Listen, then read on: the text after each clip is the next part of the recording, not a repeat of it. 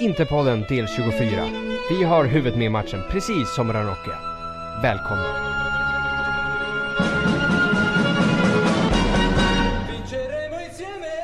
Något sånt där brukar det låta här i Interpodden. Det är del 24. Vi har varit igång ett tag och vi är tillbaka efter en seger mot Benevento som beskrevs av Fede Nerazzurra som en match där vi fick tre poäng och absolut inget mer, vilket är ganska korrekt i sak. Eh, vi kommer prata lite löst om Benevento-matchen men framförallt blicka framåt mot det som komma skall och det är ju att gå skalle mot skalle med våra efterblivna semi-retarderade smutsiga kusiner i rödsvart. Och med mig för att göra det här har jag Interpoddens egna Hugh Hefner, Binan Alatar.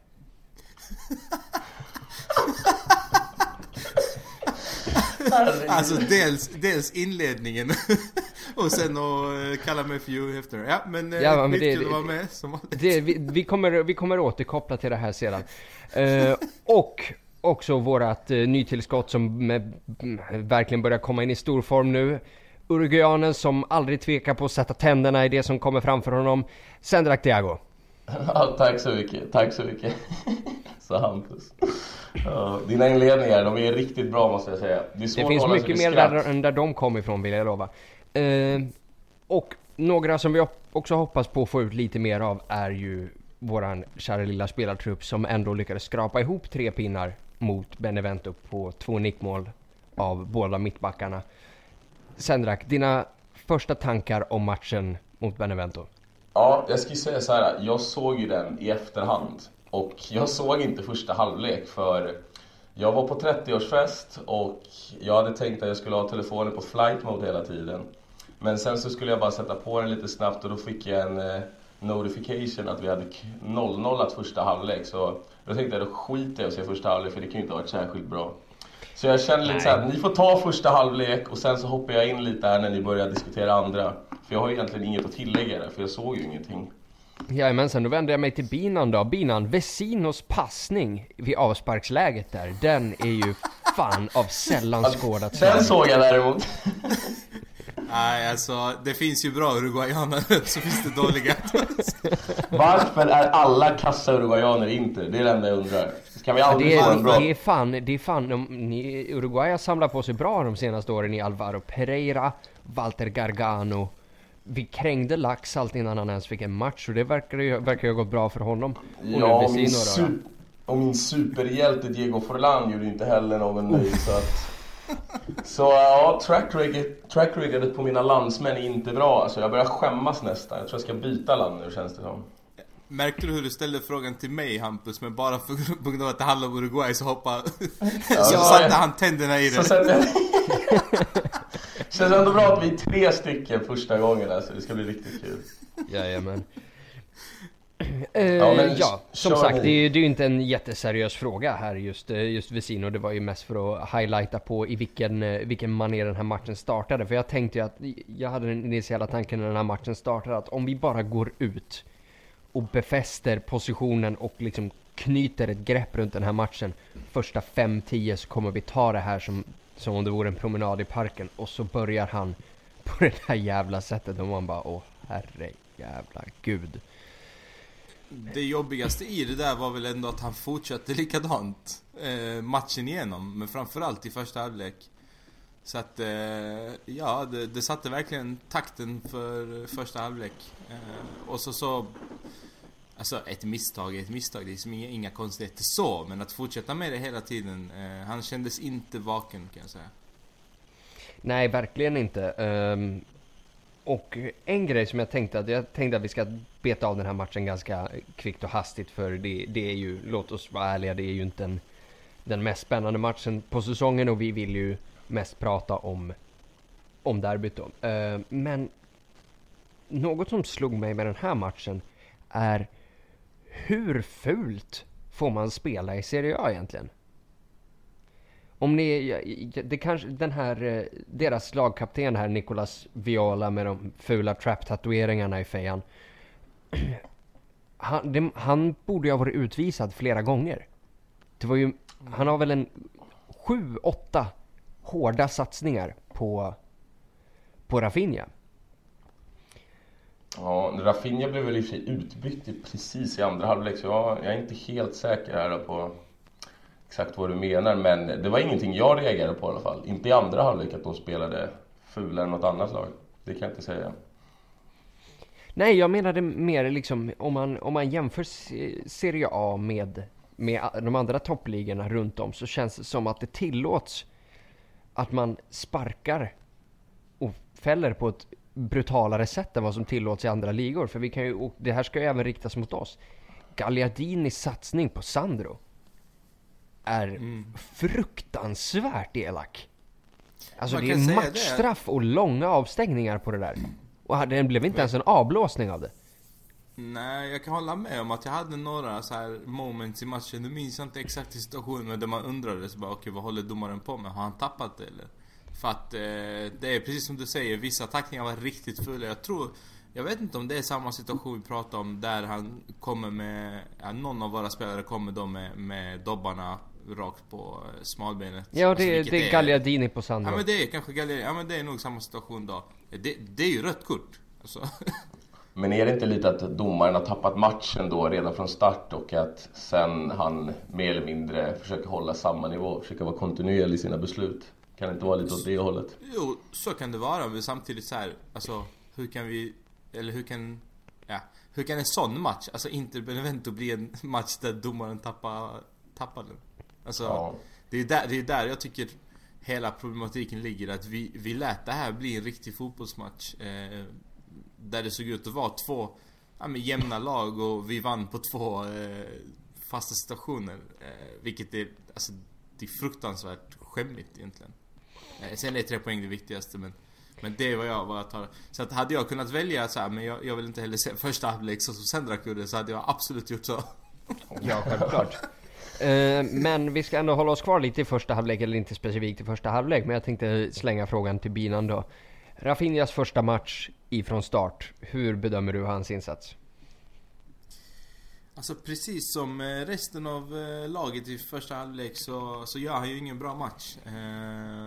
Det är lite synd tycker jag men han får ju precis som du säger några smällar där och han ser lite halvskadad ut eh, hela tiden och eh, med hans historik så, så känns det som att han spelade halvskadad. Att han sen byts ut tidigt där också tyder ju på att det inte var helt rätt. Så att, eh, nej jag, ty jag tyckte inte han gjorde någon bra första halvlek. Och sen så tycker jag också att det, man såg ju direkt, han blev väl utbytt efter 10 minuter vill jag minnas där någonstans. Och han såg ju redan riktigt trött ut redan då så att han är väl fortfarande inte matchfit helt enkelt och han behöver få sina inhopp fortfarande. Att starta honom än och i derbyt framförallt, det tycker jag absolut inte. Han är inte klar än. Han har inte 90 minuter i sig. Och det är ingen idé att chansa med honom för vi har ju sett kvaliteten han, han innehar så att... Nej, han ska nog sitta på bänken ett tag till. Känner jag i alla fall. Efter att ha sett det där. Han orkade ju inte ens springa upp i pressspelet eller någonting. Han jobbade inte med täckning. Någonting när Eder satte press så att... Han såg riktigt slut ut och då hade det knappt gått en timme så att... Ja, det säger väl egentligen allt.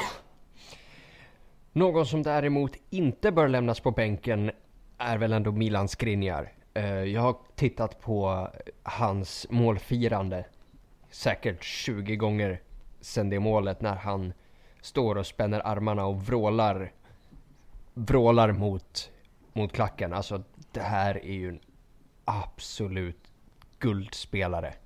Alltså det är svårt att förstå hur, hur vi kan ha en så bra mittback som vi har saknat sen, sen Walter Samuel i all ärlighet. Du menar Ranocchia eller? ja, jo. Som sagt, eh, Binan, du, du är ju lite av, eh, av Ranocchias smygälskare ska jag inte säga längre heller. Ni, det är ju ganska öppet faktiskt. Eh, så men du, du tycker ju verkligen om Ranocchia mer än någon annan jag känner, så du kan väl få prata lite om Ranocchias insats? Ja, alltså jag vill vara tydlig med en sak och det är så här. i början av säsongen så pratade vi men när han fick sin första chans här, när Miranda var avstängd eller skadad eller vad det nu var Så, så pratade vi om att han gjorde en bra match och så sa jag, men, eller så sa jag i alla fall Att Alltså jag ska bedöma eh, varje spelare utifrån den här säsongen, vilket också var fallet med Nagatomo Eh, om, om vi bortser från allt tidigare ska jag döma dem efter den här säsongen, alltså hur de spelar här och nu. Eh, och därför så har jag varit, till skillnad från många andra, positiv till, till Ranocchia. Och det är för att jag tyckte att men den här säsongen så har han faktiskt eh, levt upp till förväntningarna. Man har inte så höga förväntningar på honom. Det är en mittback som, som är liksom alternativ 3 eller 4. Eh, och när han väl har spelat så har han gjort det bra. Och jag minns att efter Kievo-matchen så, så blev det en liten diskussion här för jag stack ut hakan och sa att, att ja men vad fan, han har gjort det så jävla bra mot Kiev och han var nära på att göra, ja men tre mål. Så att jag skulle vilja se honom fortsätta. Nu blev inte så fallet såklart. Eh, men precis, alltså den här matchen mot Benevento så visar han precis det jag var inne på. Alltså han är ganska farlig i, i offensiv, på offensiv planhalva. Eh, problemet är att han är lika farlig på defensiv planhalva. Jag tänkte precis säga det, att det är exakt så Ja. Men eh, nej, jag, jag, tycker att han, eh, ja, men, fan han gjorde det bra här också och han har gjort det bra de matcherna han har fått spela. Det var en match den här säsongen som han, han gjorde en tveksam insats. Annars har han varit alltså, ganska bra och jag kan säga så här. Det spekuleras i, i italiensk press att han startar framför Miranda även i derbyt fastän Miranda är tillbaka. Ja, det, om vi säger, jag kan ju börja med att fylla på med hyllningarna här och eh, eh, målet i sig, ja absolut, ett, ett briljant mål. Men den liggande nickrensningen han gör i eget straffområde, den där är alltså, det där är riktiga alltså Materazzi nä, nästa fasoner det där. Alltså det där är, är absolut världsklass. Och att se det från honom. Killen som aldrig har känt som att han har haft, han har varit med i matchen någonsin egentligen. Att göra en sån reflexgrej. Så ja, jag måste nog big gå up, big up för det. Ja, jag måste nog gå lite emot det här för att åtminstone samarbetet mellan Ranocchio och Skriniar det var några gånger, framförallt i början på andra halvlek, där de rann igenom. Och man ser ju tydligt att de inte har spelat mycket tillsammans, så det kan man ju förstå. Men att Skriniar kliver upp och pressar, eller om det nu var Ranocchia, jag kommer inte exakt ihåg. Men sen, de vet inte när en ena ska falla och den ena ska gå upp och pressa. Och nu när vi kommer möta ett klart mycket bättre lag så... Ja, det oroar ju och att italiensk press spekulerar i det. Alltså du gav mig precis mardrömmar nu om han ska starta före Miranda. Och det, alltså, ja, jag tycker men ska... det, det där finns ju ja, inte på kartan heller. Nej, och det hoppas jag verkligen inte stämmer för att som sagt, det var lite skakigt några gånger. Och vi möter seriens klart sämsta lag. Kanske det sämsta laget jag någonsin har sett i Serie A.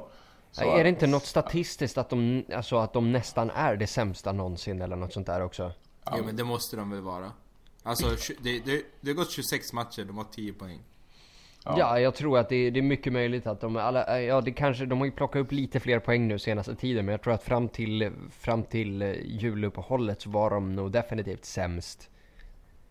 Hade inte Crotone där någon säsong också där de eh, var riktigt dåliga? Sen till sist så ja, skärpte de till sig och faktiskt klarade kontraktet, men... Ja, det, det skulle varit förra, förra året då i sådana fall. Ja, uh, jo exakt. Så precis, och vi kan ju förvänta oss något annat från ett Milan som kommer i stor form. Eh, som vi då ska ta oss an på söndag kväll. Men jag tänkte att innan vi går in i det här derbyt så vill jag fråga er och då Cedrak först. Bästa derbyminnet? Oj, oj, oj alltså. Det, det finns ju det. Det var ju riktigt kul när, eh, jag tror du var med då, när vi var där nere och när vi såg Guarin sätta 1-0. Ja. Problemet var bara att det var ju första derbyt jag såg dem vinna faktiskt. Eh, på plats. Jag har alltid sett dem torska. Men eh, det enda problemet var att jag träffade en riktigt skön italienare där uppe på Meazan och vi hade ju krökat en del om man säger så. Så att vi stod ju och skålade när Guarin gjorde mål så vi, vi missade ju målet. Men annars så, det här legendariska derbyt när Adriano nickar, eh, vad heter det, är det i slutminuterna när han vinner nickduellen mot Christian Vieri. Det var också riktigt vackert. Och när Obafemi gjorde ett mål också vill jag minnas. Så det tror jag, 3-2 derbyt. Det var väl första derbyt vi hade vunnit på jag vet inte hur länge. Så det får jag väl nog säga är mitt bästa derbyminne. När Adriano avgör. Det får ni gärna gå in och youtuba också. Självfallet. Binan, vad säger du? Eh, alltså jag satt och tänkte på det nu här men om man tänker så här utifrån känslor och eufori och sådär så, så tror jag att det bästa derbyt faktiskt var det här 3-2 derbyt nu senast. Eh, som Icardi gjorde hattrick i. För att, alltså, vi har haft ett par riktigt jävla tuffa år och, eh, och liksom derbyna har vi ändå lyckats ganska bra med trots eh, ja, men hur det än har gått under säsongen och, och så har vi varit bra mot Milan.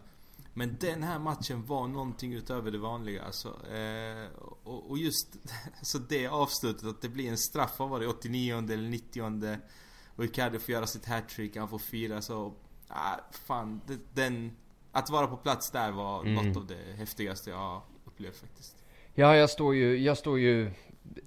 En av mina två kandidater är ju, är ju givetvis det, alltså bara få, att få vara på plats där och liksom och känna hur, hur hela jävla Milano exploderar i, i samband med den, när den sista straffen mm. där går in. Uh, men jag satt också och tänkte på häromdagen vårat uh, derby under, det första derbyt under Mourinho. När, uh, när Milan kommer och verkligen hoppar upp i vårt knä och bara ber om att få bank. Och vi ger dem, vi ger dem 4-0. Det Visst också... var det det derbyt där Schneider hade anlänt dagen innan? Och ja. startade direkt? Precis, mm. precis. Och uh, ja, det är, alltså, jag tror att Cambiasso, häng, Cambiasso hänger två, Stankovic pangar in en stenhård från distans och... Nej, Cambiasso hängde inte två. Nej, det, Thiago det, det, det, Motta hängde en och Diego Milito Ja, nästan Precis, ja Milito spelar väl igenom yeah. Thiago Motta där väldigt tidigt i matchen vill jag minnas. Nej, var inte det 3-0 målet när vi kom... Maikon gjorde ju mål då också. Mm. Jo för det är ju den när, när, när, när de borrar upp den i krysset med, med en vänsterskruv. Mm. Och sen det är väl Stankovic som sätter fyra med ett långskott. Mm, exakt, mm. exakt. Hur som helst, det är ju en ganska trevlig det där skottet i ribban. Mm. Ja just det, just det. Ja det var ett fint derby. Men jag kommer jag blev nästan lite irriterad för att Mourinho sen drog ju ner trupperna så vi föll ju väldigt mycket. Och det kändes som att vi hade verkligen chansen där att tvåla dit dem efter 6-0, eh, eller vad var det? 6-0 match? Efter 6-0 sa du? Ja, efter 6-0 där så kändes det som att lite, nu har vi verkligen chansen att tvåla dit dem och få en ordentlig revansch. Så att jag kommer ihåg att, ja självklart var det fantastiskt att spöa Milan med 4-0 men det kändes som att vi kunde ha gett dem ännu mer och jag kommer ihåg att det där 6-0 derbyt, det sitter fortfarande kvar när Frej sitter och garvar efter vi har släppt in, ja, jag kommer inte ihåg vilket mål det nu var i ordningen men... Men ja, nej. 3-2 derbyt grabbar. Det när vi inte hade vunnit på flera år och vi äntligen fick tvåla dit dem i sista sekunden. Och det är så fantastiskt fin symboliken att Vieri går till Milan och sen Adriano, den nya kungen av Milano, får nicka in den och vinna nickduellen. Så det, jag måste vidhålla vid det derbyminnet. Det är ju ett fullt acceptabelt derby. Um, om vi då riktar in oss på det derbyt vi nu har framför oss uh, så kan jag känna att trots de här många och långa åren av, av rent lidande som, eh, som vi inte riktigt har fått genomlida. Så har jag nog aldrig känt mig så här illa till mods inför ett derby. Eh, för vi talar ofta om att form inte spelar, inte spelar någon roll när det kommer till ett derbysammanhang. Och det stämmer till viss nivå, men det här handlar om något annat än form. Milan går in med och tror att de kommer ta en Champions League-plats. Att de kommer lösa hela sin... Alltså de kommer klara av Champions League trots sin fiaskoinledning. Och vi har helt tappat kulorna. Binan, hur... hur ska vi ha en suck i det här derbyt överhuvudtaget? Ja du. Eh, jag tror jag har fel så här om man förväntar sig något positivt komma ur min mun nu så, så är jag fel man att fråga. Eh, jag är livrädd. Jag, alltså, så här, jag respekterar inte deras trupp, jag respekterar inte deras tränare. Jag är inte rädd för dem på något sätt. Eh, däremot är jag liksom rädd för vår trupp eh, och rädd för egentligen vår tränare också och, och hela situationen vi är i. Eh, ska jag vara helt ärlig så förtjänar vi inte den platsen vi är på just nu. Och med det menar jag att vi har absolut tagit de poängen som krävs för att ta sig hit. Men så som vi har spelat på våren eh, och, och, så lite poäng som vi har plockat så är det liksom ett under att vi inte har tappat mer och att vi inte är liksom på sjunde plats eller att Milan faktiskt har gått om oss. Så att det, det är det som gör att jag vet att Alltså Benevento kunde vunnit mot oss. Eh, de flesta vi möter är mer taggade att vinna än vad vi är. Eh, och vi brukar absolut spela upp oss mot lag som, som kommer och spelar fotboll liksom. Speciellt när de är i form och, och ja men där de är lite kaxiga. Men den här gången så känns det som att vi har allt att förlora och Inter, när de har allt att vinna så vinner de inte och har de allt att förlora så förlorar de också. Shit. Ja. Ja. Sorry. Det är mörkt nu alltså. Sendrak, det är mörkt, det är det. Sendrak, delar du Ja. den här eh, analysen av situationen? Alltså för mig handlar det egentligen lite om att ta tag i taktpinnen direkt. Alltså för att den stora skillnaden från hösten gentemot våren, det är ju egentligen försvarsspelet och hur vi sätter press. Vi jobbade ju en helplanspress i början av säsongen. Vi var aggressiva, vi ville vinna boll, vi försökte ta, vi tog vara på våra kontringar. Nu är det som att vi som livrädda musar, vi sitter och väntar på lagen. Och vi vet alla att speciellt på innermittfältet, Vesino Gagliardini och Valero för den delen, de är inte bra spelare när de får jobba bakåt eller när de får jobba i sidled. Däremot kan vi trycka upp laget, kan vi försöka sätta press på Bonucci så att inte han får använda sin uppspelsfot. Så tror jag ändå att det kan gå bra. Men det gäller att våga. Det gäller att verkligen ta tag i matchen från början. För vi ska komma ihåg en sak. Vår trupp är klart bättre än Milans. Vårt Absolut. lag ska vara mer samspelt än Milans. Så att jag tror ju på ett kryss, men jag är inte lika rädd som ni är och jag har varit rätt kaxig de senaste derbyna. Med all rätt känner jag för att Milan har inte heller gjort några superår om vi kollar om vi tittar tillbaka på deras senaste säsonger. Så att, ja, jag, jag lutar åt ett kryss men jag ser inte alls en vinst som omöjlig. Eh, jag har en liten annan approach här att eh, det är under de här tre kommande veckorna nu som hela säsongen kommer avgöras. Och det gäller även för Milan. Att om Milan vinner den här, då är de fyra poäng bakom oss. Alltså kommer det här bara, en vinst mot oss kommer sporra dem ännu mer och då finns det fan en god chans att de faktiskt kommer överta våran position också. Och vara en starkare, starkare utmanare för Champions League-platsen än vad vi kommer vara.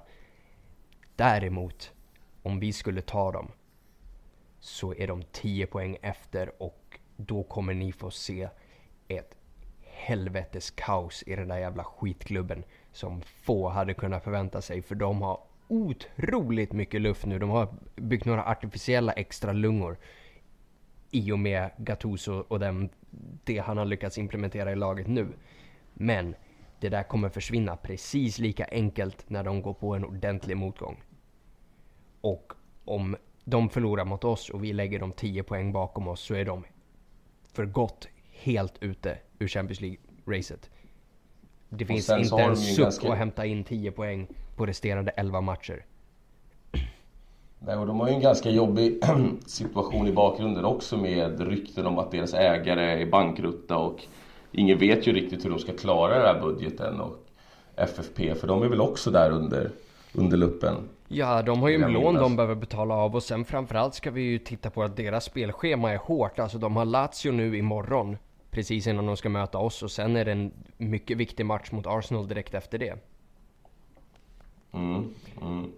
Men min huvudpoäng är att om, för vi ska vara ärliga, Milan slog Roma, okej, bedrift och de var imponerande i den vinsten. Ingen snack om saken.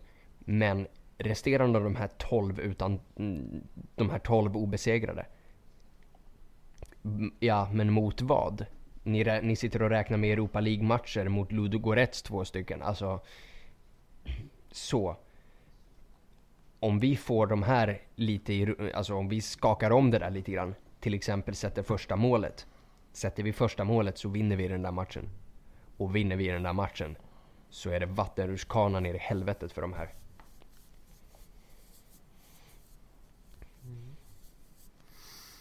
Ja, jag är orolig men... eh, ja.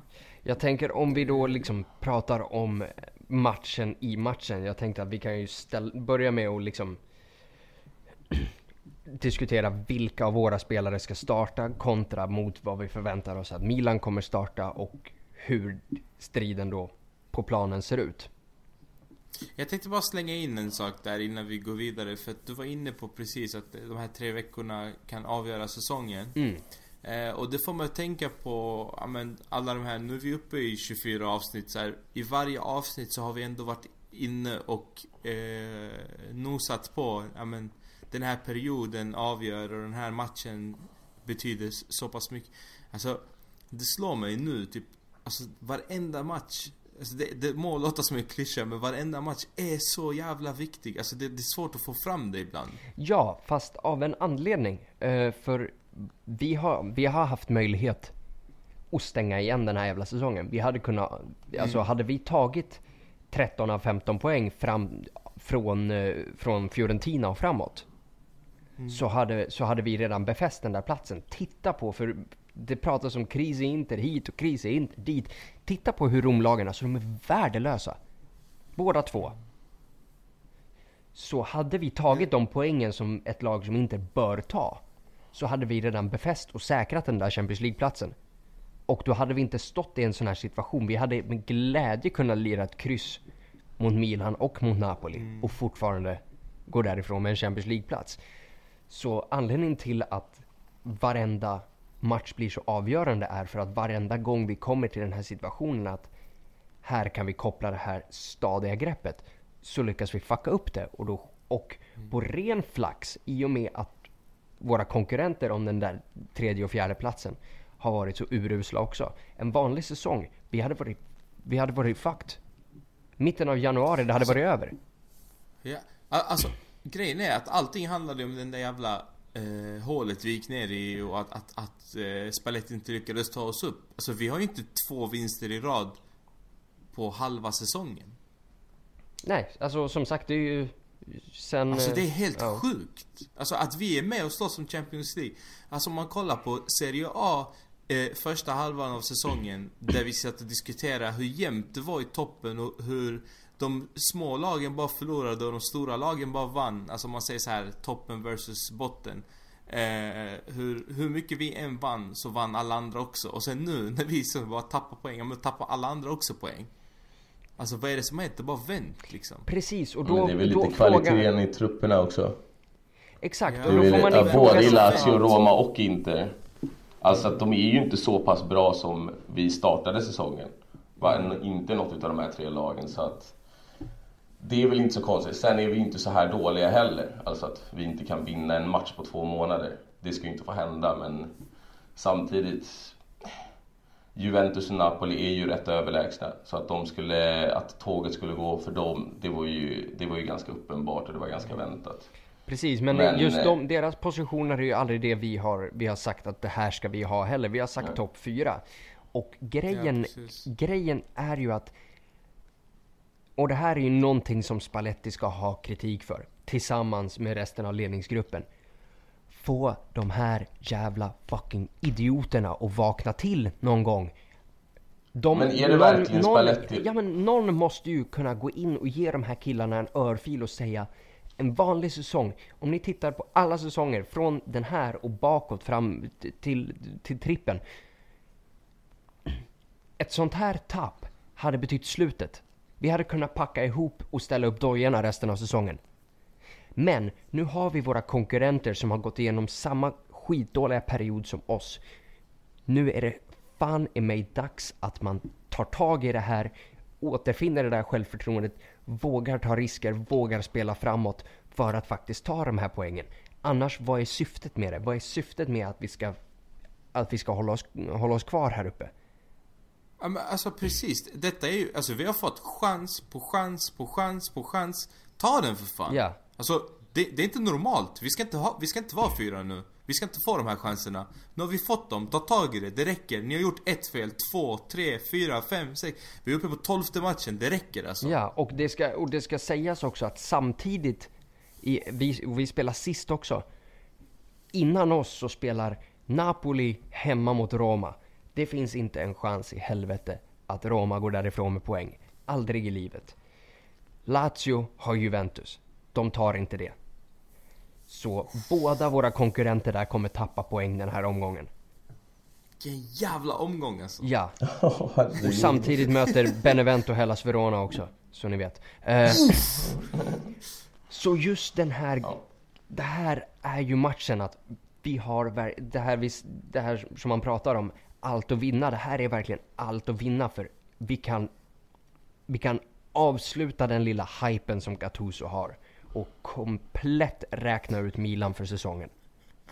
Jag älskar att det handlar mer om, om eh, hat mot Milan än att vi ska liksom befästa vår Champions League-plats för dig Hampus. Ja men vi kan, vi kan, alltså jag skiter i vad. Ja, men i, win-win. i, samma, I samma läge som vi kan, Ja. som vi kan liksom sätta spiken i kistan och det där nackskottet på Gattuso så kan vi också faktiskt komma fyra poäng framför Roma. Och det där kan vara fyra jävligt användbara poäng. För minns, när det kommer till invärtes möten och målskillnad så är vi bättre än Roma. Kommer vi till den där sista Lazio-matchen med Lazio framför oss och det räcker och vi, vi har tre poäng good på Roma så kan vi fan lägga oss den matchen och de kan få vinna vad de nu har. De där fyra poängen skulle kunna vara de direkt avgörande. Och, framför, och, framförallt, och framförallt det som händer om vi inte vinner den här och då ska ha någon form av chans, då ska vi slå Napoli omgången efter. Och Bona fucking Fortuna. Alltså det händer inte. Så därför, eh, ifall ni har missat det, en ganska viktig match. Så jag tänker... Ba, ba, eh, jag, får bara... Eh, Sendrak, du sa någonting där. Är det verkligen Spalletti eller någonting? Ja men alltså, vi har ju sett samma tendenser med i princip, ja absolut nyförvärv från år till år men det har varit samma tendenser hela tiden att spelartruppen viker ner sig när det väl gäller. Vi har ju gjort bra höster under eh, Mancini. Vi har haft väl tio raka vinster med Stramaccioni. Vi har haft det under Ranieri. Så att jag vet inte hur mycket, alltså jag är inte jag tänker inte ge Spalletti särskilt mycket skit för att det är ju någonstans, det sitter ju i huvudet på spelarna. Och ja, absolut att det ska, vi ska vinna fler matcher än vad vi har gjort under den här perioden. Men det är samma typ av mönster hela tiden och vi, kommer, vi får ju aldrig bukt med det här problemet. Så nej, för mig så handlar det mer om att spelarna viker ner sig gång på gång på gång på gång. Just, Och jag, just jag är helt fi- övertygad om att... Ja, jag är helt övertygad om att vi håller med dig, både jag och Hampus faktiskt, när det kommer till just den här, alltså, att det inte är liksom Spalletti vi, vi diskuterar eller, eller... Ja, tala för men- dig själv och- nu. Men, ja okej, sorry. Jag talar för mig då. Men att, att det är spelartruppen, och den är ju också utbytt. Alltså jag förstår ju... Eh, jag är själv så frustrerad och, och tänker, alltså vad fan. Vi har ju bytt allt. Vi har ju bytt ägare för fan. Två gånger. Vi har bytt eh, spelartrupp tre gånger. Vi har bytt bytt tränare, tränare 40 18 gånger, gånger. så. Ja, alltså vad är kvar liksom? Och så nu när man ser så här Sabatini går ut och snackar om, om, eh, om, om en transfer. Eh, Alex Teixeira att han ville tillbaka till eh, eh, Santos eller vad det var, Corinthians förlåt. Så eh, hade ju hade han gått ut och sagt så här, ah, men kineserna ändrade sig i sista sekunden här. Eh, vilket händer ganska ofta. Alltså då ser man ju att han är också, alltså nu är det problem med ägarna igen eller vad man nu ska säga. Om, om man tar det som en peak, vilket det verkar vara. Så vad, är, vad, är, vad ligger det? Alltså vad, vad är DNA? Men problemet liksom klubben är att de jobbar ju alla, alla samma, samma mål. Det finns ju finns ju Falang, Falang har ju samma samma som sina sina Drausli har ju sina sina sina ägarna har sina sina spelartränare har sina sina Det känns aldrig som att vi riktigt jobbar mot, mot ett tydligt mål, mot ett gemensamt mål. Om vi jämför då med våra vidriga antagonister, tjuvarna från Turin. Där är liksom hela klubben vet ju vad som gäller. I Inter, i High Chaparral, där kan du göra lite vad du vill. Precis. Där, accepter, men där accepteras misslyckande på misslyckande på misslyckande. Alltså det är som jag varit inne på nu två poddar i rad, att vi är precis som Arsenal. Det spelar ingen roll hur mycket du fuckar upp. Du får ändå vara kvar i truppen. Du får löneförhöjningar. Ledningen, alltså sportchefer, allt vad det nu är, får sitta kvar. Och det blir inga konsekvenser utav misslyckanden. Så att... Ja, jag vet inte, det är, det det är här- en kulturgrej. Det är här min kritik mot, och också den enda kritiken som jag faktiskt har mot Spalletti. Att Spalletti är inte den första tränaren som får bekanta sig med det här problemet. Han har fan ett sju års facit av exakt samma jävla beteende att titta tillbaks på. Vart är det proaktiva arbetet? Han måste ju veta, när vi börjar den här, vi, vi gör ju den bästa säsongsinledningen i klubbens historia. Han måste ju vara väl medveten om att när det här dassgänget torskar, då kommer det gå käpprätt utför. Därför måste jag göra någonting åt den grejen nu när det går bra. Jo, men Spalletti sitta och hoppas ha- på... Precis, men, men också... Men ja, jag, jag, hoppades, jag defensiv hoppades på få en defensiv mittfältare, jag hoppades på att få det och det. Ja. Ja. men nu har du det här, du har det yttersta ansvaret. Om du ska vara den här toppklasstränaren, som allegedly han är, och jag fortfarande tycker att han är, men då... Han ska leda den här gruppen. Han ska sätta han ska sätta mentaliteten i dem. Han ska säga vad som går, vad som funkar. Han ska förbereda spelare. Alltså han, ska, han ska se till, precis som Mourinho gjorde. Spalletti ska se till att Dalbert är lika hungrig och taggad på att hoppa in när, när en annan sopa börjar lira för sig själv. Jo men Mourinho hade ju en helt annan typ av spelartrupp att jobba med. Alltså det går inte riktigt att jämföra. själv, självklart, men och, och sen om det går eller inte, det, det är en annan femma. Men det här att, att, att Dalbert värvas in för 25 miljoner. Rafinha var ju ute och sa det i Correo della Sport häromdagen att ja, typ, ja men Dalbert är en bra spelare men hans självförtroende är ju kört åt helvete. Hur kan det bli det? Hur kan, hur kan vi tillåta att självförtroendet går i botten på spelare som Dalbert, på Gagliardini, på klassspelare som, som har bevisat sig antingen hos oss eller i tidigare klubbar? Hur kan de, framförallt kommer från andra ligor, utlänningar som kommer till Italien inte, inte lyckas akklimatisera sig, knappt får en spelminut och bara blir förpassade till bänken och får, sin, får hela sin karriär krossad. Ja men det, kan sitter inte ju få- innanför väggarna. Men det sitter ju innanför väggarna. men för det, är ingen ursäkt. Det gemensamt- är ingen ursäkt att det sitter innanför väggarna. Nej men det är, ta- jag, försöker inte, jag försöker inte lägga en ursäkt här utan det handlar ju om att spelarna kommer in i klubben, ingen har en jävla aning om vad de ska göra. Och sen så blir det pannkakor utav allting. Precis, och vem För- bär ja, det ansvaret för utan- vad de ska göra? Men det då är det ju ändå sportchefen, det är ledningen. Nej, det köper jag inte. Det, tycker jag inte, sportchefen, för han, sportchefen har ju för ansvar klubben vem måste som kommer nej, dit. men klubb, Ja men klubben måste ju jobba efter ett långsiktigt mål. Alltså tränare ska komma in och passa mallen. I Inter plockar vi in det som finns tillgängligt. Precis som med Benitez. Moratti gick ut och sa själv, vi tog han för hans namn. Vi hade egentligen ingen, inte egentligen någon plan. Och det här är något som har genomsyrat klubben så länge jag har hållit på den egentligen. Och det är ett bra jävla tag nu. Så att det är ledningen som måste sätta ett mål. Klubben måste liksom vara tydliga med vad vill ha ut utav spelarna? Vad är det som förväntas utav er? Och sen tränare ska vara där i tre år max. Sen ska de ut. Men det ska fortsätta att jobba mot samma mål. Vi ska ha en tydlig spelmodell, eller tydlig spelmodell och spelare som handlas in efter det. Och så är det inte i dagsläget utan det handlas in där det behövs. Utan, och det, Självklart, självklart. det handlas in, alltså vi täpper igen hål hela tiden så att Nej, jag tycker verkligen inte att det är, man kan inte lasta Spalletti för mycket här. Han har yttersta ansvaret, ja, för hur startuppställning och sånt ser ut. Men för det långsiktiga, det är det inte han som ska ha. För att en tränare vet vi alla själv i dagens moderna fotboll, de överlever inte mer än tre säsonger. Nej men och, det är sällan och det, man ser det. jag har inte sagt att han ska ta ansvar för det långsiktiga, men han ska ta ansvar för att när vi förlorar en match så kan inte en match få bli till två månader. Där är hans ansvar. Sen att Dalbert kommer in, det här är en spelare som så här, vad heter det, träningsstrejkade och skit i Nice. Bara det där ska bara ding ding ding, jättestor varningsklocka. Köp inte den killen. För om han beter sig så mot en klubb, då kommer han göra det mot oss och då ser vi hur professionell han faktiskt är. Men till, men låt oss säga Valero, Vesino och de här grabbarna som inte heller har något självförtroende längre. Det, det är Spallettis efterfrågningar. Och att du inte kan tända din spelartrupp på två månader. Skitsamma vem du har i truppen, skitsamma vem du har som sportchef eller ägare. Om du, du har the big fucking money för att driva det här laget framåt. Du ska vara ledaren. Och om du inte kan tända ditt lag på två månader, när du, har en, när du sitter på en tredje plats i ligan och ditt, och ditt lag slutar spela boll. Det måste du ta ansvar för och det borde han ha tagit ansvar för i september. Inte när det gick åt helvete i mitten av december. Det är allt jag argumenterar. Ja, och alltså i, har- övrigt, jag- i övrigt ingen kritik mot Spalletti. Ja.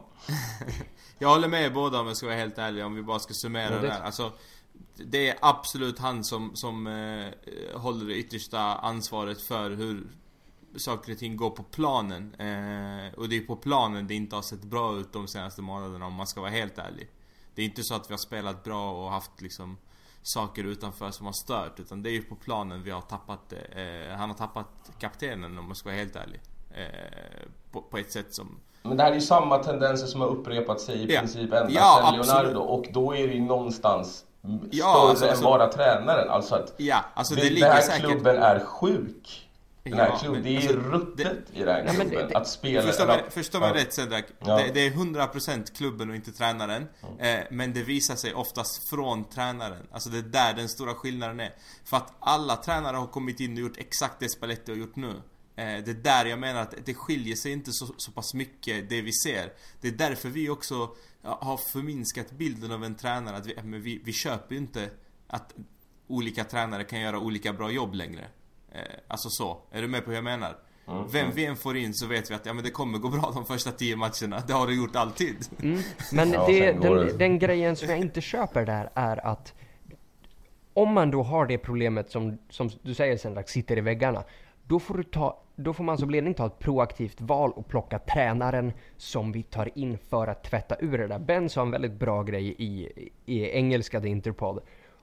Och han förklarar att de här och han fraserar det väldigt fint i att de här killarna spelar för namnet på ryggen och inte för märket på bröstet.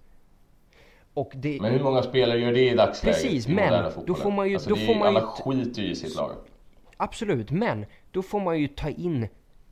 Alltså då får du ta in slaktaren. Titta till exempel på hur, hur Bielsa eh, hanterade Athletic Bilbao. När deras, när deras stjärna Muniain, när han var, när han var up and coming, när han började muppa sig och tyckte att han var något större. Han fick komma och träna extra varenda jävla dag och sitta på bänken i tre månader. Och sen... Bielsa lämnar i och för sig varenda klubb han lämnar i kaos mer eller mindre så det köper jag inte alls som ett vidare exempel. För ja, du kan gå in, du kan, du kan väl lika gärna sätta ner Materazzi och sparka huvudena av dem. Men det kommer ju inte hjälpa i slutändan utan i slutändan, nej, men nu, nu, har du blandat ja. ihop kortsiktigt, kortsiktigt och långsiktigt ja. igen här. Löser det där, löser jo, det där ett långsiktigt ju, problem? Absolut men inte. Det kortsiktiga, men, men, vi, men det är det vi har gjort hela tiden. Att täppa igen kortsiktigt. Att täppa igen hål här och där. Utan det finns ingen plan sen för hur vi ska gå vidare.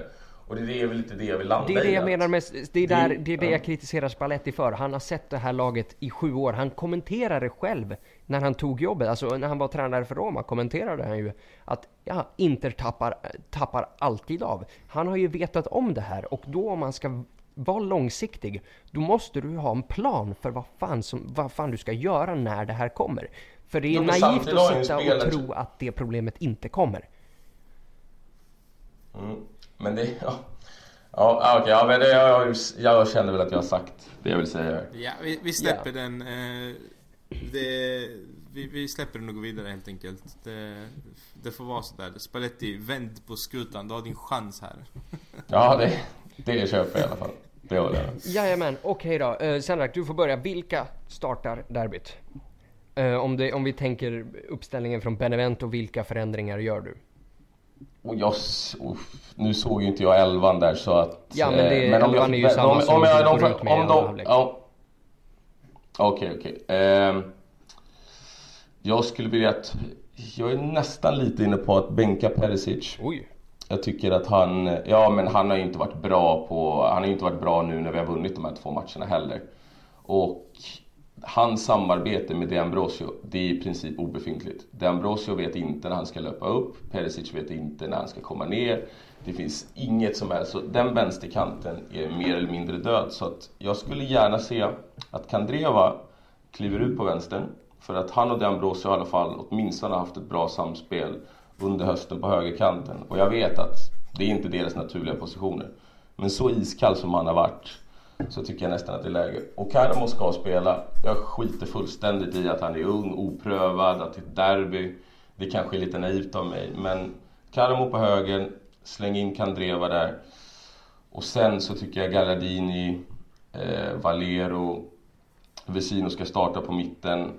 Cancelo självklart som högerback, mittbackarna, ja, det vet ni redan vad vi tycker. Och så hoppas jag för guds skull att Icardi startar och att han är tillbaka. Binan, hur ställer du upp? Um, jag bänkar ju Dambrosi det första jag gör. Spelar ingen roll vem vi möter eller... Okej, okay, vem sätter du på vänsterbacken då? eh, jag sätter faktiskt Santon. Eh, ni kan hugga mig hur mycket ni vill sen. Eh, nej men jag gör faktiskt det. Eh, det, är, det är en spelare som... Eh, han var helt okej okay tills han gjorde det här misstaget egentligen och, och där han blev så hatad att han... Eh, eh, att han fick ta bort sina sociala medier och skit. Så att eh, jag startar med Santon eller Dalbert där faktiskt. Eh, I övrigt, problemposition eller vad man ska säga. Det är att jag vill absolut, precis som Sendrak inne på, starta Karamo. Eh, jag vill... Eh, alltså det är där man blir så här. Jag vill inte att Perisic ska bänkas trots att han, är, han har varit katastrofal eller inte alls kommit upp i form. För jag tänker att en sån här stor match ändå kan få igång honom kanske. Eh, men då tänker jag, okej, okay, Karamo ska starta. Vem ska man ha som släpande eller vad man nu ska... Det diskuteras ju om att Kandreva möjligtvis eh, kan spela där bakom. Eh, ja, då tar jag livet av mig alltså. Den spelaren ska vara så... det lite i andra halvlek där mot Benevento så att... Ja. Jo, men han saknar ju alla egenskaper egentligen för att spela som en trekvartist eller en tia. Han kan ju absolut inte passa bollen. Spelförståelse kan han inte ens stava till. Så att sätta han på en kant. Problemet är ju att alternativen knappt finns med tanke på att eh, Rafinha, eh, ja, var som han var och kan förmodligen inte starta. Och, och sen så Brozovic vill jag aldrig någonsin se i en inte-tröja igen. Så att, eh, Nej, det skriver jag under på. Ja, och Valero, alltså, ja.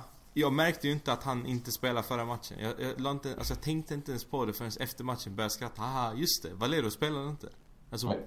Kan det inte vara att han behöver, ha, behövt vila egentligen? Att han vilades den här matchen? För att komma jo, ifrån. men det skrämmer mig lite att man tänk, alltså att jag inte ens märkte av att han inte spelar. Men det kanske säger mer om mig, men ja. Uh, ja, uh, jag har suttit faktiskt här idag och funderat på hur, hur jag ska göra det här. Jag har suttit och ritat och dragit streck och grejer.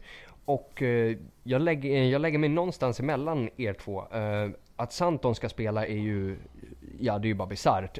men Men oavsett, om vi säger oavsett vem man sätter som vänsterback. Vill man sätta Dalbert där istället för Dambrosio, för Dambrosio är horribel som vänsterback. Så okej, okay, men oavsett vem som spelar som vänsterback. Så den här matchen rent taktiskt kommer handla om att gå back to basics. Så, jag säger fortfarande Perisic på vänsterytten. Och instruktionerna som ska ges till vänsterbacken oavsett om det är Dalbert eller Dambrosio är du ska stå på Suso. Han kommer vilja vinkla in precis som han alltid gör. Vi har sett, han har gjort det mot Santon, han har gjort det mot Nagatomo, han har gjort det mot Ansaldi. Va, samma samma ja, procedur varenda jävla ja. gång.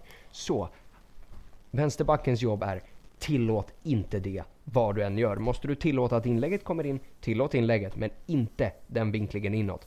Och då blir huvudinstruktionen till Perisic för att det där ska fungera så helt okej okay om Perisic inte bidrar framåt eller lalala fortsätter med sin risiga form. Men du ska satan i mig springa hela vägen hem när deras, när deras högerback kommer upp i troligen Davide Calabria då. Att när han tar sin överlappslöpning så ska du vara där.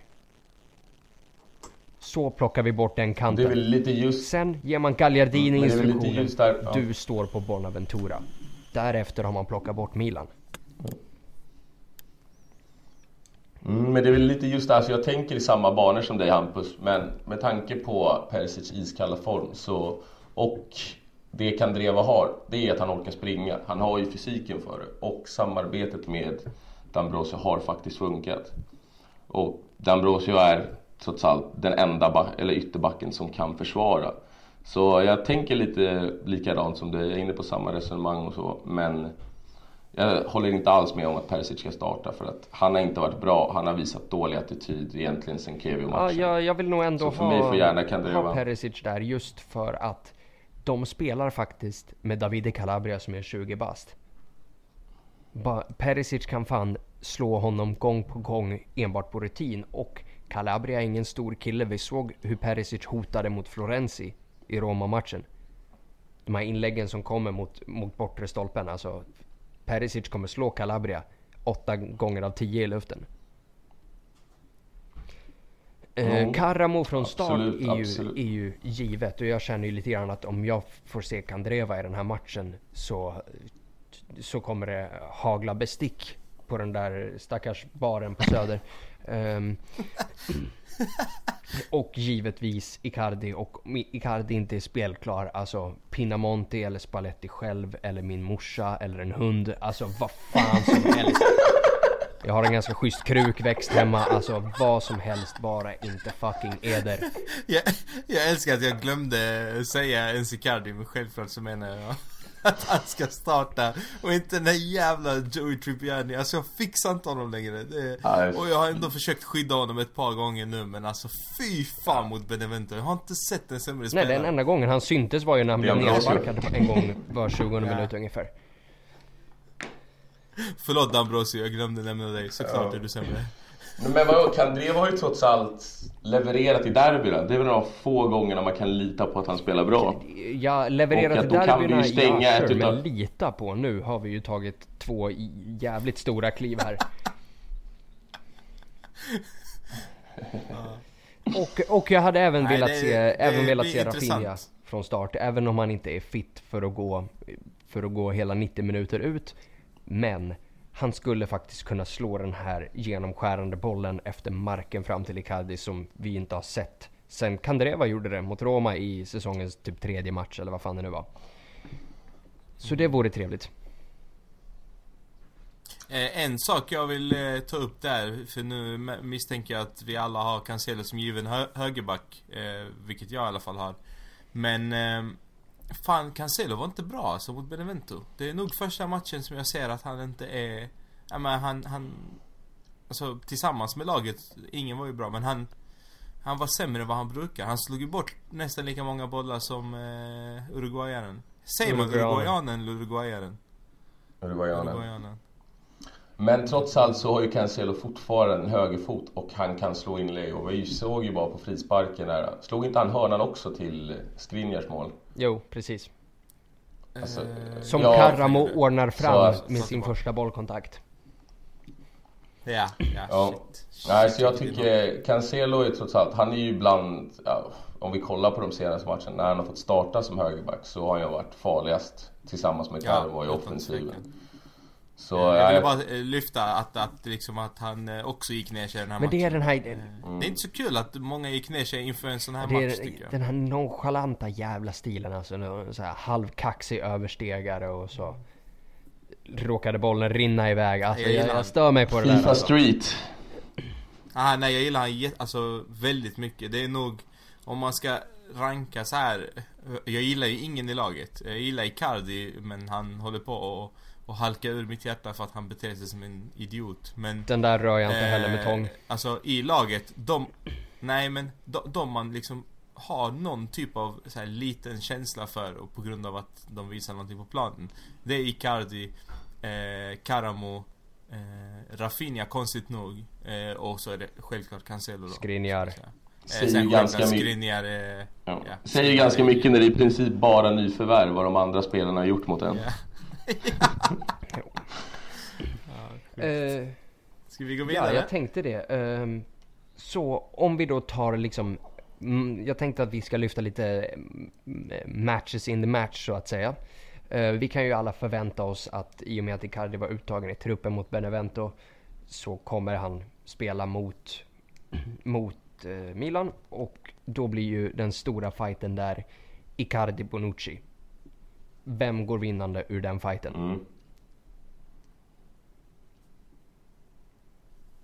Ja, för mig handlar det egentligen om att framförallt när vi sätter press, när, de, när Milan är i uppspelsfasen, att det gäller att strypa Bonucci så fort som möjligt och det menar jag inte att han ska ta händerna och strypa honom bokstavligen. Jag är för det också. Att vi måste sätta... det hade varit fint att säga men Alltså vi måste sätta en ordentlig helplanspress. Vi måste pressa ner Milan och det var lite det jag menade med att ta tag i matchen och vara modiga. Så kan Icardi bara komma tillbaka i gammalt gott slag så jag är ganska säker på att han kommer klara av det. För tar vi bort uppspel, uppspelsfoten från Bonucci, då har vi vunnit mycket. Mm. Då har vi vunnit väldigt mycket. Mm. Ja, eh, så här. Eh, min, äh, jag tänker inte ens uttala mig. Alltså jag, jag känner tyvärr att, att uh, Milan är de som kommer gå segrande ur detta. Men den fighten Icardi, Bonucci. I, alltså, I min värld så är det självklart att det är Icardi som vinner den. Eh, men jag tror att det går fel den här gången, tyvärr. Ja, eh, för min, min lilla teori är ju att vi är starkare än dem på alla, i alla lagdelar förutom mittfältet då. Och då tänker jag väl fighten deras mittfält som då består av eh, av eh, Bonaventura, Kessie och Lucas Bilja då mot eh, den förväntade starten då Valero, Vesino, Gagliardini. Vem, vem går segrande ur, ur mittfältstriden? Alltså de är ju mycket mer rörliga och jag tror att det är det som är den som går segrande ur. Det är den som är mest rörlig. Eh, så att, eh, ja, tyvärr så ska, ska, jag säga att deras trio går före. Så länge vi får jobba framåt med våra mittfältare så tror jag vi ändå kan klara av det. För att det är ju Bonaventura egentligen som skrämmer ihjäl mig. Alltså, och det är, han är lite som Marquisio, att varje gång de där två startar, Marquisio startar mot oss i Juve och varje gång Bonaventura startar, så vet man ju att de kommer skapa chanser. Så jag hoppas bara att vi inte låter han hamna i hålet mellan backlinjen och mittfältet. För att det är då han blir farlig. Kan vi bara hålla honom framför oss och vi får jobba framåt i pressen så tror jag ändå att ja, vi i alla fall kanske inte vinner mittfältskampen, men vi blir inte totalt överkörda. Om vi säger om vi istället för att, för att diskutera individuella situationer, om vi säger mm. Sendrak, du som är fotbollstränare själv, vad är det, det absoluta major no-no grejen som vi under inga omständigheter får göra? Ja, det är ju att... Eh, alltså hur menar du? Du menar hur de, eh, hur de ska spela förbi Nej, oss ja, eller? Men, till exempel att om vi gör X, Y, Z så får vi dask. Alltså vad är det framför allt som vi ska akta oss för? Att sitta lågt. Att om vi ska försöka kontra oss till en seger så tror jag att det kommer gå åt helvete. Och jag har redan sagt det nu och jag säger det igen. Alltså, vi måste pressa dem högt.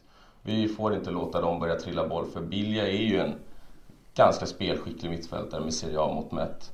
Bonaventura är för mig en riktigt bra mittfältare och dessa spelare får inte hamna vi får inte hamna i ett läge där de kommer in bakom oss för vi vet ju att vi saknar en defensiv mittfältare.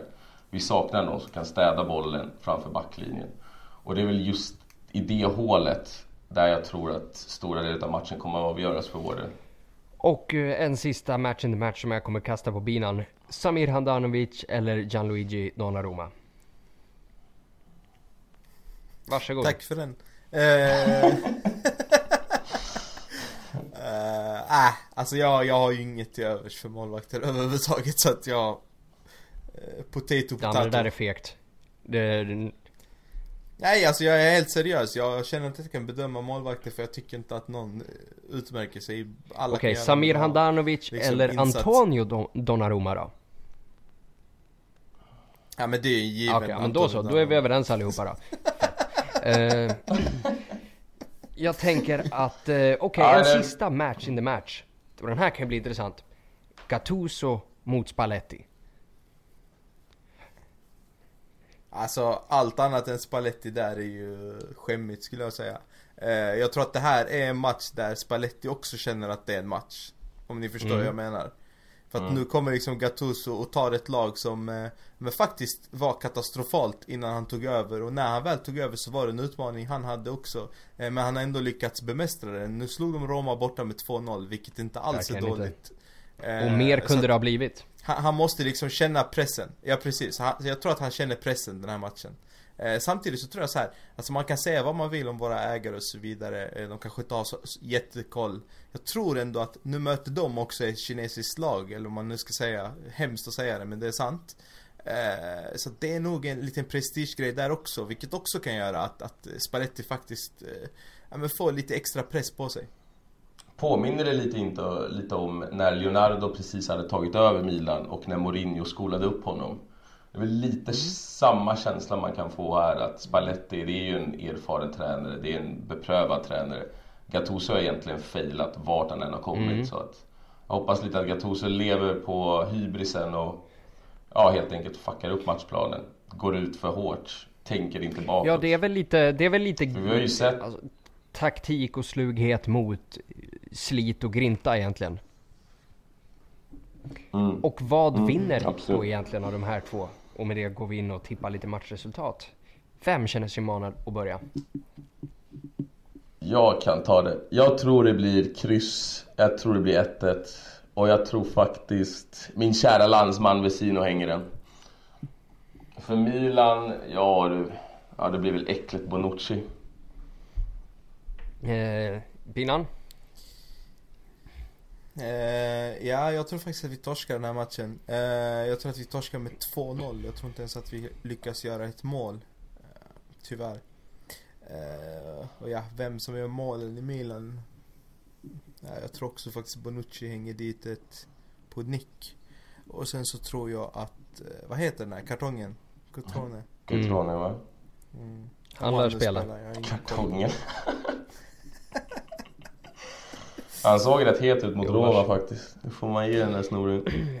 Ja, men ja, Du eh, då, jag kommer ju till det nu. Eh, Jag har ju inget självförtroende överhuvudtaget för den här matchen. Helst hade jag ju bara velat ligga, ligga hemma men nu har jag ju sagt att, att eh, man ska gå på matchträff och grejer. Så då får man väl göra det. Ehm, med detta sagt så vägrar jag att tippa en förlust och gå ut med den här mentaliteten till allmänheten. Eh, Så jag tänker säga att vi kommer ta det här med en 3-1 vinst och eh, Men var det en Nej, nej, mig? absolut inte. Utan snarare, jag försöker mer övertyga mig själv så jag slut, slipper må så här dåligt hela dagarna. Eh, det är tufft nog med väder och, och allt vad det är liksom. Så jag kommer säga att Kessie kommer halka in någon retur för dem. Och sen kommer Icardi hänga två och avslutningsvis så kommer Karamo dra in en till och göra sin mask off och Percocets och vad fan det nu är. Eh, och vi går därifrån med, med att ha drämt tre i arslet på Milan igen. Ja, vi hoppas på dig Hampus. Det är det många som gör. Eh, så, med Vi kör lite fler frågor. Exakt, med, eh, med detta sagt så glider vi då in på frågorna. Vi har fått en hel del väldigt, väldigt bra frågor här. Då ska vi se om vi får upp dem lite snabbt också. Ja, jag kan ta en här. Eh, den den Ja, går till dig trevligt. Hampus. Hur ser framtiden ut för Brozo? Ja, Fabian. med mycket fysiskt lidande och olycka hoppas jag. Eh, Nej, 10 plus på den alltså. Ja, på uppstuds också. Ingen förberedelse ja, överhuvudtaget. eh, nej Grymt men där. hur, hur framtiden ser ut, äh, jag, jag tror väl att han, eh, han kommer väl få göra, fortsätta sina små inhopp här, eh, här för oss under resten av säsongen och nu bara för att jag säger inhopp så kommer han väl säkert få starta i derbyt bara för, bara för att jävlas med mig. Men, ehm, och sen tror och hoppas jag väl innerligt att vi släpper iväg honom i, eh, i sommar när vi då har möjlighet att plocka in den här krukväxten jag pratade om förut. Ehm, och det är väl ett kvalificerat svar är på så- den. Ni såg att han eh, la upp på sin Instagram där Epic Brozo Darts Tournament. Ja men och det här alltså bitcoin-grejen och hans jävla café, alltså Ja, what, vad, la han upp? What do you Ja. think about bitcoin? Frågetecken. Alltså snacka om att ha fokus på helt fel saker. Jag har gett han lavetten Ja. av hans tränare. Jävla sopa. Ditt, dina supportrar bör ut dig. Din ärkesopa. Sitter du och lägger upp på Instagram vad, vad vi tycker om bitcoin? Alltså bete dig mm, fan. ja alltså riktig, alltså riktig jävla white trash. Alltså det är riktigt wife beater linne i, i husvagn alltså. Epa Ja men riktigt såhär, riktigt såhär fucking Tyresö bonde. Sorry alla Nej inte Tyresö. sorry. Hampus, Jag bor också Hampus där, så jag är kvalificerad. Hampus att säga bor det. ska tilläggas. Det är därför jag får säga det. It takes ja, one to precis, know du one. vet det. Jag har min Burberry keps och, och min Eddie Meduza skiva redo här. Eh, ska jag hoppa in på den här då? Eh, Juan Andres undrar, Barbosa, redo för Serie A om han fortsätter som han gör i Santos? Sendrak ska få svara på den som inte har varit lika kritisk som oss, i alla fall i podden. Nej men skojar ni eller? Herregud, absolut inte. Han kommer aldrig bli redo för Serie A. Jävla strandraggare alltså. Ut Inte ens. Benevento då? Nej, jag tror fan inte ens han hade platsat i Benevento. Alltså han blev petad av, jag vet inte hur många tränare i Inter. Det var väl De Boer, det var, det var Spalletti, det var Pioli. Sen var det interimtränarna som löste biffen när vi hade sparkat tränare. Benfica skickade de han med huvudet före så att nej, den här killen är en bluff och det är dags att förstå det, kära klubbsvetsiga medlemmar. Det är som han är, Ali Darbio eller vad han heter, han som eh, förfalskar mail och kontrakt och sånt. Har ni läst om Ja, honom? helt Den svensken. Ja, exakt. Ja. Ja. Det, det Det är bara är något sant. 2.0. Får jag bara flika in där att det här som ni ser just nu, kära lyssnare, att Gabigol öser in mål. Det här är inte brasilianska ligan. Det här är någon regional liga med typ, alltså där de knatar ut i orten på morgonen och frågar vilka som vill lira fotboll ungefär. Så det är inte att, inte att, inte att han har hängt fyra mål i brasilianska högsta ligan. Men spelar Är inte ens i A-laget i Santos? Det låter ju helt galet. Eh, Som sagt, alltså de här, må- de här målen han har gjort mot de här lagen är ju inte, alltså det är inte lag som är med i brasilianska högsta divisionen. Herregud. Så att göra tappins Ja. mot, Är du mot, säker liksom, på detta? mot, ja vad fan vet jag. Jo, det är, det är Serie A. Är det inte Nej. Serie A alltså? Brasilianska Serie Oj Men ja. bombade inte han ändå in mål i Serie Jo A i absolut, men, eh, men alltså som sagt killen har, ju, ja. killen har ju hängt på bordeller i ett år nu så han behöver ju träna upp sig lite grann innan han är redo för det där. Och Santos, de har, de har väl eh, Copa Libertadores och skit att stå i. Ja, som ni ser, snubben är en bluff. Nej, han kommer aldrig platsa Inter. Binan, fortsätter du med frågan eller ska jag ta över? Ja Ja, men, men jag kan fortsätta här. Eh, Kristoffer Jakobsson undrar, vilka stannar slash lämnar om vi når CL kontra stannar lämnar om vi missar CL? Eh, och jag tänker att Hampus kan få svara lite Eh, kort ja, det som har diskuterats i media nu tidigare i veckan är ju, eh, vad heter det, att eh, vi sitter och försöker få in Asamoah och De Frey och eh, en, att Asamoah kliver in skulle ju då innebära att Kandreva ryker. Eh, och det kan vi ju bara tacka och ta emot. Eh, man har också diskuterat att om man lyckas sälja av Nagatomo som bevisligen gör det ganska bra i Galatasaray, någon som kollar turkiska ligan kan ju jättegärna liksom få, få skriva till oss och eh, bekräfta det. Bilarna kollar på eh, Galatasaray för att se Nagatomo. Mm, men vad tungt. Då kan ju, då kan ju vem, vem, som nu, vem som nu vet kan ju få höra av sig till oss och säga om det stämmer. Men så, av vad jag har förstått så gör Nagatomo ganska bra ifrån sig. Och det diskuteras också att i och med försäljningen av honom och Kondogbia kan man då finansiera Cancelos permanenta övergång. Eh, som, så att han då stannar. Eh, Karamo köps ju loss för det är ett köptvång där på, på 6 miljoner euro. Ganska bra hittat. eh, och, men det frågan hänger på i huvudsaken om vi missar slash kvalar in för Champions League. Eh, om vi missar så ryker ju Skriniar och eller Icardi.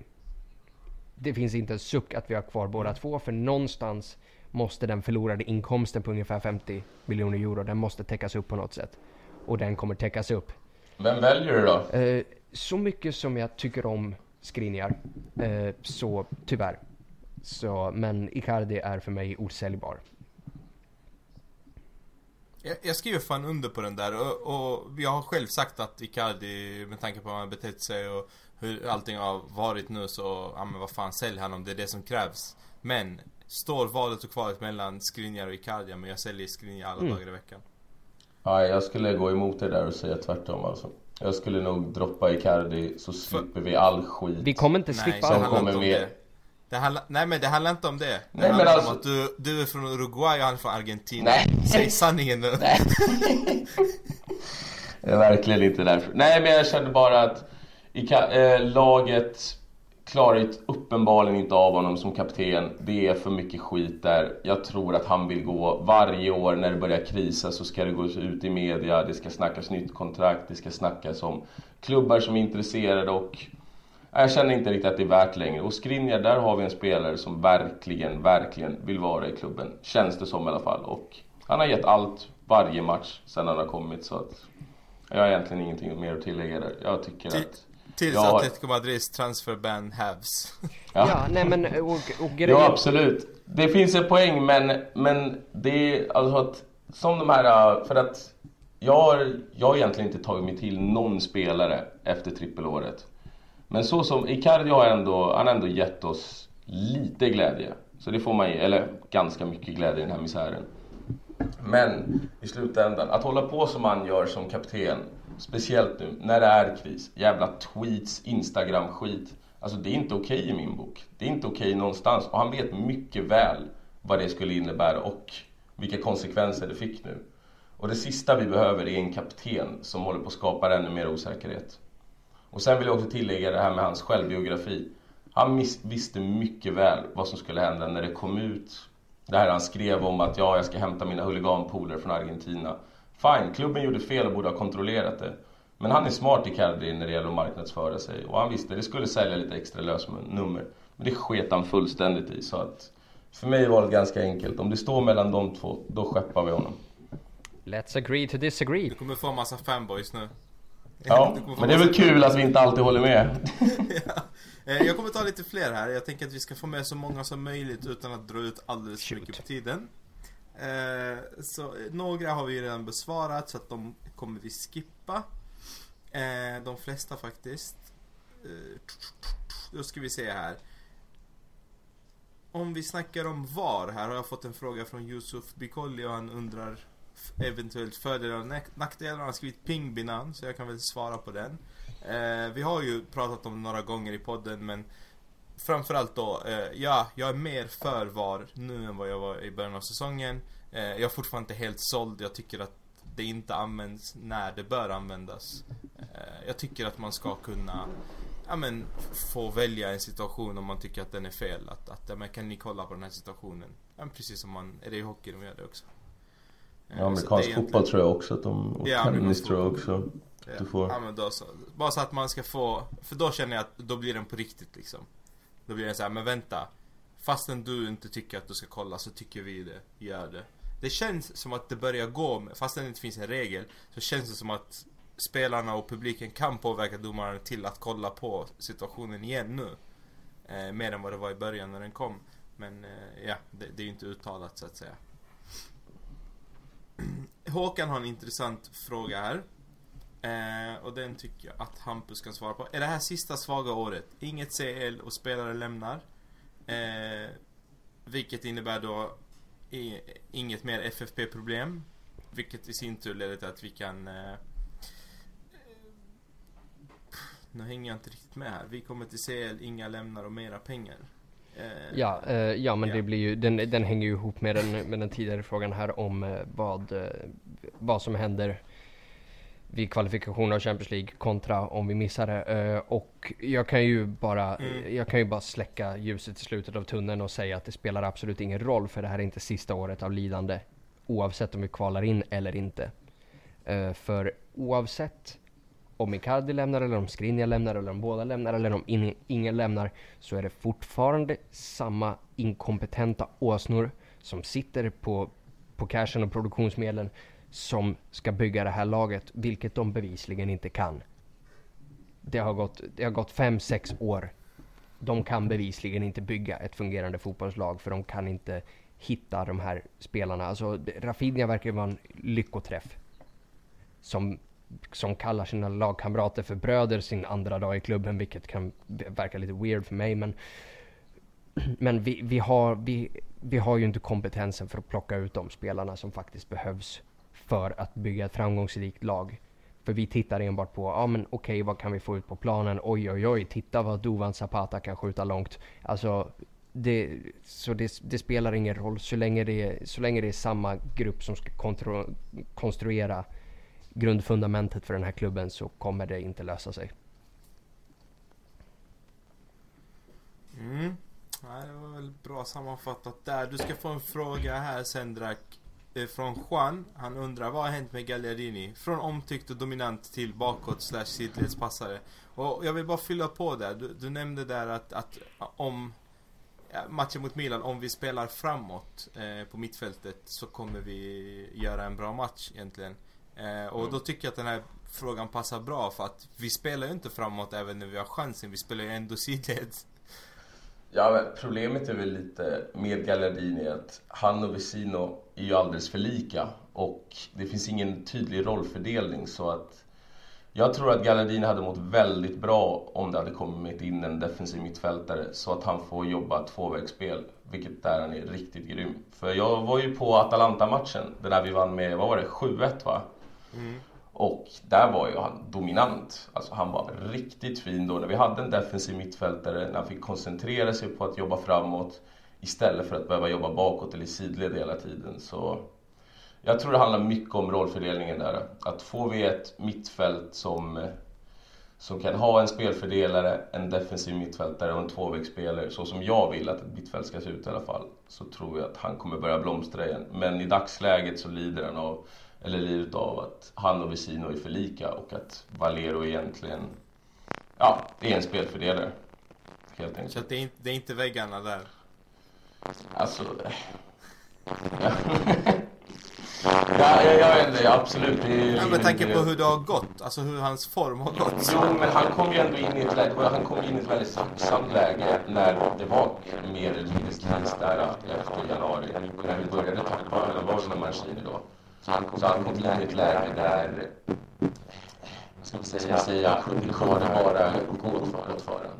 Och då gick, då gick det, han spelade bra, bra han levererade, han fick, han fick självförtroende. Sen, sen så kom han in i gamla vardagsvardag precis som vi spelade. Så jag tror egentligen han, han precis som Lucino, som behöver en defensiv mittfältare bredvid sig så att de kan koncentrera sig på det de är bra och om man får för lite kritik, det köper jag väl inte riktigt. Det är väl bara Hampus som älskar honom. Ja, nej, jag, jag, jag känner ju definitivt inte att han får för lite kritik med tanke på att jag är ju den Gagliardini nej, som var bara en liten nu. Alltså så fort Gagliardini gör något dåligt ja. så ringer folk mig. Som om att jag ska ta upp ja. det med honom på nästa utvecklingssamtal. Alltså... One to one, Hampus ja. Gagliardini. Nej, men jag, jag tror att Gagliardini har en framtid i Inter, men det måste komma in en defensiv mittfältare för att det ska funka. Bara säga, jag tror att Gallerini har en framtid i Inter när vi spelar i Serie B. Han och D'Ambrosio är givna i elvan då. Ja. Eh, eh, det finns två frågor här, en från Reza och en från Jesper. Vi har touchat dem lite. Men jag går ändå in på dem för att vi ska få en liten diskussion kring det. Och Rezas säger, skriver så här då. Tror du inte att det enda som kan rädda oss från misären är en omorganisation med tydliga roller på de nyckelpositioner som klubben har? Börja från presidenten ända ner till vaktmästaren kanske. Hur vaktmästaren nu blev en nyckelposition, men ja. Eh, vi har bytt tränare och spelare i åtta år. Eh, åtta år nu, är det inte dags att även kolla på andra positioner? Eh, och vad, alltså, Men vi har bytt allt. Vi har ju bytt ägare, vi har bytt sportchef, vi har bytt tränare, ja, vi har bytt Men vaktmästare. För, för, att, för att lugna oss alla. Handlar det inte om att byta Ausilio? Jo. Um, Bara så att vi inte kan uh, skylla på säger, något. Uh, det jag skulle argumentera, uh, som, som andra argumenterat inom mig, innan mig. Uh, att om vi säger Ausilio är ju inte liksom en var ju inte liksom en nytänk och bara oh den här killen utan den här är ju en snubbe som har vuxit liksom från, från att vara chefscout till sportchef. Alltså han satt ju, han satt ju med i våran alltså, tekniska avdelning redan under Brankas tid. Uh, så jag skulle istället, jag säger ju Leonardo.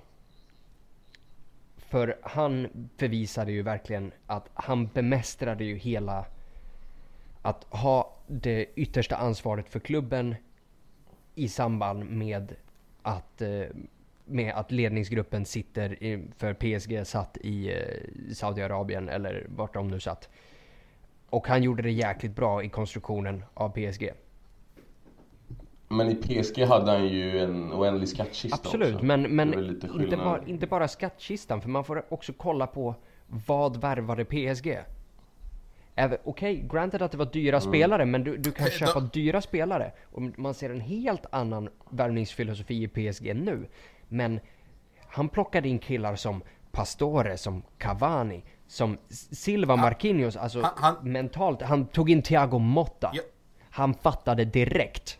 Jag vad som krävs för att bygga ett vinnande lag. Ja. Jag Ja, argumenterar alltså att han, att han kommer vara bättre än Ausilio, det skriver jag under på alla dagar i veckan. Det skriver jag, men det är väl... Jag argumenterar för att han förstörde Serie A. Han plockade alla bra spelare från Serie A Precis, och la för dem han i fattade PSG. att det här är vinnare. Om vi säger det är en helt annan filosofi nu, att man degar upp astronomiska summor för, för Neymar och Mbappé och sådana här killar som liksom är, som är produkter mer än vad de är fotbollsspelare. Men att, men att som, som sportchef för PSG knata in i Pescara och plocka Marco Verratti. Knata in hos oss och plocka Thiago, och plocka Thiago Motta av eh, oss och ja. bygga ett mittfält runt det där. Tillsammans med Pastore. Det är ju briljanta drag. Det är det som har lagt grunden för att PSG överhuvudtaget är någonting. För, de, för vi vet alla hur det har gått för, för klubbar som Malaga och Ansi Mashalakalalala. Eh, och alla de här som bara har gått på att köpa stora profilnamn och tekniska, coola, tröjförsäljande spelare. Och det, det har aldrig gått vägen. Det tog ju, det tog ju City ofattbart många år tills de fattade hur man skulle börja värva. Mm. Mm. Eh, ja, jag tänker att det finns en litet inlägg här från, ett litet inlägg från Karl. Han har skrivit Forza Gnukuri.